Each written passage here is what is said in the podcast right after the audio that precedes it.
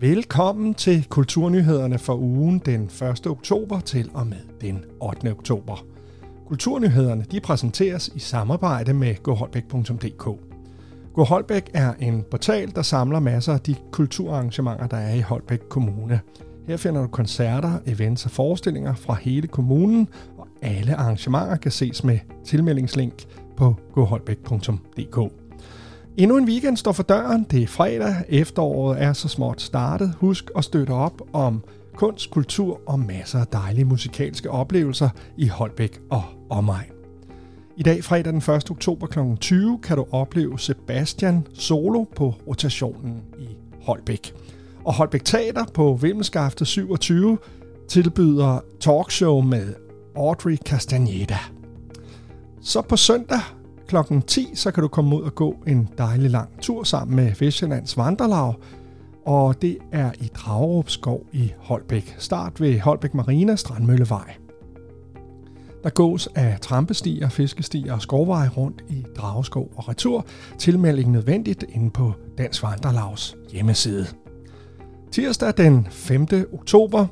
Orienteringstræning for alle mellem 4 og 99 år. Hver tirsdag øh, tilbydes der øh, orienteringstræning, der er åben for alle. Afhængig af alder og niveau kan man deltage i et af de hold, der er.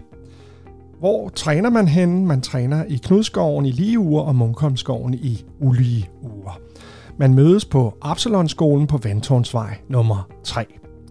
Og man kan deltage i et af de tre følgende hold. Orienteringslejr for de 4-8-årige, øh, fra kl. 17 til 18, orienteringsløb for de 8 til 18-årige fra 18 til 1915, og øh, orienteringstræning for voksne fra 18 til 1915, og man kan komme med som øh, nyt medlem et par gange uden at betale for at se, om det er noget for en.